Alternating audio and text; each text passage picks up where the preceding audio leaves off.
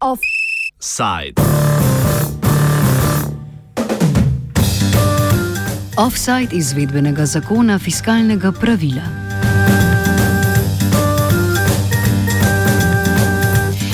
Poslušalke in poslušalci se gotovo dobro spominjate trušča, ki se je leta 2013 vrtel okoli takrat aktualnega opisa zlatega fiskalnega pravila v ustavo. Ob spremljavi obilice moralnih nakladanci, vezanih na v praksi preizkušen neuspešni imperativ varčevanja, naj bi fiskalno pravilo preprečilo življenje preko svojih zmožnosti. Zapis pravila, ki določa uravnoteženje izdatkov in prihodkov ter prepoveduje rast strukturnega primankljaja čez nič cela pet odstotkov, odstotka BDP-ja, je bilo v ustavo po pričakovanjih sprejeto. Njegova faktična uveljavitev s posebnim zakonom pa je bila začrtana za letošnje leto. V skladu s tem v parlamentu trenutno potekajo razprave o predlogu izvedbenega zakona fiskalnega pravila, ki bo predstavljal privilegirani objekt današnjega offsajda. Pogovarjali smo se z ekonomistom dr. Bogomirjem Kovačem ter z vodjo poslanske skupine Združena Levica Luko Mesecem ter sindikalistom Branimirjem Štrukljem. Bye.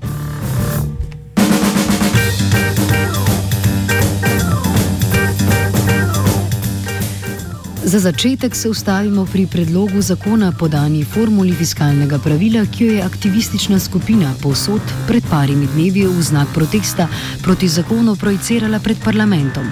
Kaj pomeni lajčnemu poslušalcu nerazumljiva matematična enačba E je manjše ali enako R minus K krat Y na P, nam pove ekonomist Bogomir Kovač. To je formula, ki uh, skuša nekako uh, pokazati soodvisnost uh, gospodarske rasti uh, od uh, tako imenovanih uh, proračunskih uh, deficitov oziroma suficita. Skratka, gre preprosto za to, da skušamo s pomočjo neke določene formule, ki bolj ali manj eh, obravnava eh, tako imenovano potencijalno gospodarsko rast v razmerju do eh, proračunske politike opredeliti tako, da bi na eh, daljši rok imeli eh, nekako izenačeno proračunsko politiko oziroma uh, uravnotežen uh, proračun. Uh, vse te formulacije uh, so bolj ali manj izvedene iz uh, določenih teoretsko-modelskih uh, postavk, razumevanja uh, nekega narodnega gospodarstva, in so po eni strani sicer nekaj, kar se v običajnih projekcijah in ekonomskih analizah uporablja, ko pa pride do dejanskih uh, razmeri in tudi nekih odločitev, pa se odločevalci. Ekonomskih politik na takšne formule ne morejo niti posebno zanesti, niti ne morejo takšne formule prinesti neke razrešitve politične odgovornosti. Zakaj ne? Njihova težava je običajno ta, da imamo že tako ali tako probleme z napovedmi, če so te napovedi pravilne ali ne, in to je v krizah običajno tako, da napovedi niso pravilne, pomeni takšne formule pravzaprav eh, ne prinašajo nekih jasnih določitev in drugič. Takšne formule nas v končni ščanci ne morejo odrešiti neke politične odgovornosti. Iluzija eh, teh eh, fiskalnih pravil je pravzaprav v tem, da če bi se jih držali, potem ne bi imeli eh, gospodarskih eh, kriz oziroma fiskalnih težav ali pa dolžniških problemov. Žal izhaja ta pristop iz neke ideje prostega tržnega delovanja, razume pa ta trg približno tako, kot so razumeli to morda v enem primitivnih obdobij sovjetski komunisti, ko so v okviru svojih predstav pravzaprav tržna razmerja in prihodnost načrtovali. Eh, logika trga je, da ga ne morete nikoli ujeti in nikoli načrtovati. Zato fiskalna pravila, ki v imenu trga mislijo, da to lahko počno, predstavljajo pravzaprav tisto, kar običajno ti predlagavci niti ne vedo. To je, da so s tem pravzaprav v imenu trga trg dejansko ukinili.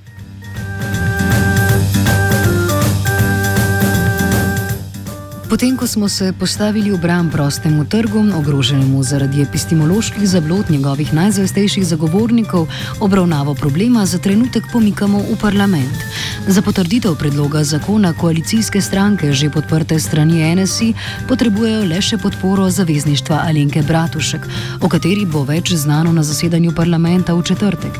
Edina stranka, ki se v državnem zboru upira potrditvi zakona, je Združena levica. Govorili smo z njenim vodjem Lukom mesecem. Zdaj, nažalost, pa v slovenskem parlamentu so vse politične stranke podlegajo, mislim, nekem prevladojočem evropskem, v resnici pač nemškem diskurzu, uh, ki govori, da je prišlo do krize javnih financ zaradi prepotratnosti uh, držav oziroma pač, uh, njihovih, zaradi uh, neskladi v njihovih proračunih, ampak to je daleč od resnice. Do krize je prišlo pač zaradi zloma finančnega sektorja, privatnega sektorja in zaradi tega, ker so države potem z več kot 7500 milijardami v bistvu pač reševale bančne, finančne in tako naprej sisteme, uh, v večini v privatni lasti po Evropi pred propadom. Uh, zdaj se pa skuša v bistvu pač krizo ne pokazati na ta način, kot se je dejansko zgodila, ampak rečejo enostavno. Uh, kriza je nastala zaradi prepotratnosti držav, uh, zato morajo države uvesti fiskalna pravila, ki bodo pač na uh, srednji rok uh, javne finance uravnotežila. In uh, nekako so pri nas vse politične stranke to naracijo kuple in zdaj v bistvu na tej ideološki bazi vse podpirajo fiskalno pravilo in da desnica podpira tako imenovano švicarsko formulo, uh, ki je najbolj brutalna, uh, sredina pa je pripravila neko, uh, neko formulo, ki naj bi bila milejša, ampak se je po izračunih ministrstva za finance izkazalo, da v bistvu je ta formula mogoče malo boljša v slabših časih, zato pa toliko bolj brutalna v dobrih časih. A kaj je v praksi z domnevno vezijo med sprejemanjem fiskalnih pravil ter civilizirano Evropo? Iluzija je še enkrat, da lahko s takšnim eh, pravilom na nek način potem uh, skušate uh, politiko seveda spraviti v neke uh, fiskalno uravnotežene okvire, ampak kot vidite, niti evropska politika, niti naša domača pravzaprav ni nagnjena k temu, da bi spoštovala uh, takšne ali drugačne zaveze oziroma pravila, kadar je to uh, seveda ne ustreza in si potem seveda izmisli kaj drugega.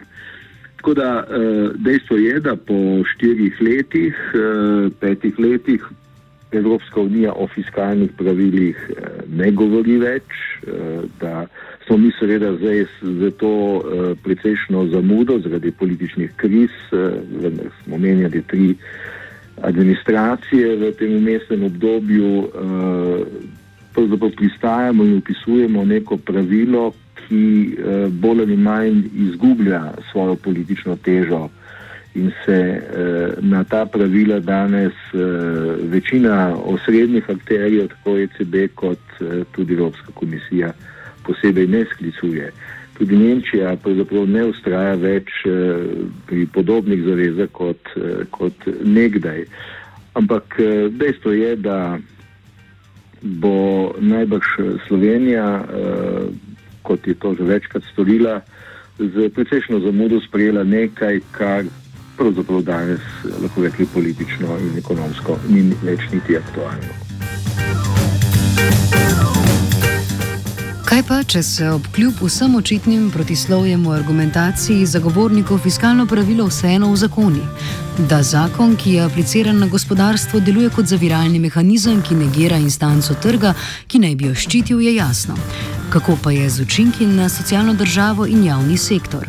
To bi pomenilo po eni strani smrt eh, socialne države, po drugi strani uh, bistveno počasnejši razvoj. Namreč uh, mogoče najbolj to v bistvu pojasnim mojo tezo z uh, pogledi v izračune finančnega ministrstva, kaj bi fiskalno pravilo pomenilo, če bi ga imeli uvedenega v preteklosti. Recimo med letoma 1994 in 2004 se je Slovenija razvijala z rastjo tam od 3 do 5 odstotkov na leto, skozi imela proračunske primankljaje, nekje tam 300 do 600 milijonov v teh letih, zdaj v evri govorim. Zunanje trgovinskih neravnotežij pa ni bilo, se pravi, je javni dolg upadel zaradi rasti in blage inflacije do leta 2004 na 30 odstotkov, gospodarstvo je pa raslo. In um, to je bilo v bistvu zgodba, recimo, teh desetih let. Zdaj, če bi imeli fiskalno pravilo, pa če vzamem samo eno leto za, za v bistvu prikaz, kaj bi to pomenilo. Recimo, če bi imeli fiskalno pravilo takrat uvedeno, bi zaradi tega, ker so bila to dobra leta, ne smeli imeti javno-finančnih primankljajev, ampak bi mogli imeti presežke. Recimo v letu 2002 je Slovenija imela 600 milijonov javno, uh, uh, prav, pač proračunskega primankljaja. Če bi fiskalno pravilo veljalo, bi mogla imeti 100 milijonov presežka.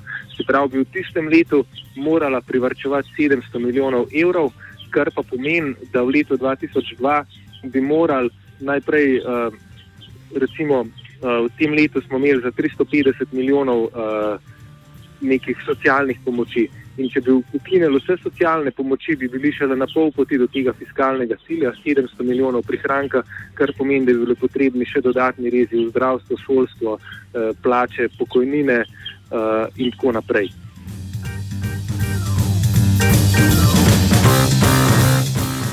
Zaradi naštetih razlogov se fiskalnemu pravilu zoprstavljajo tudi sindikati.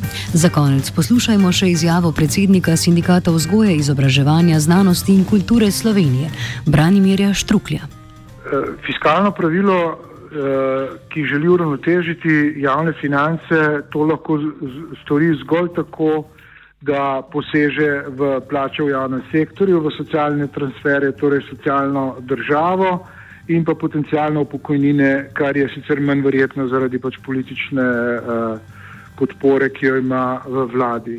Uh, ko bo izglasovano in tisti, ki bodo pritisnili tipko za to fiskalno pravilo, ki uh, je za nas posem nesprejemljivo, ker dela natančno to, kar sem rekel, ruši socialno državo, bodo uh, pritisnili tudi uh, na nek način za to, da bo vzpostavljen konflikt z sindikati in zaposlenimi tako v javnem kot v zasebnem sektorju, uh, kajti z, uh, pla, v, z zamrz, zamrznitvijo nadaljno plač v javnem sektorju se bo enako zgodilo tudi v gospodarstvu, kar pomeni, da fiskalno pravilo dela, dela to, da se začasni ukrepi ki so bili vzpostavljeni v času krize, sistematizirajo, prenesejo v zakonodajo in ostanejo trajni. To pomeni, da se ohranijo in v, na dobro in račun večjih dobičkov podjetij. Na to seveda sindikati ne moremo pristati.